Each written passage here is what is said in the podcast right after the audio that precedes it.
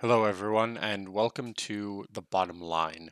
My name is Anton. I have a background in science and communication, and this show is going to be about evaluating current scientific and social issues and examining all points of view and trying to come up with a balanced, nuanced take where you can really fully understand an issue, you can speak to people about things that are important, and most importantly, you can avoid the single sided brainwashing and lack of facts that permeates so much current media.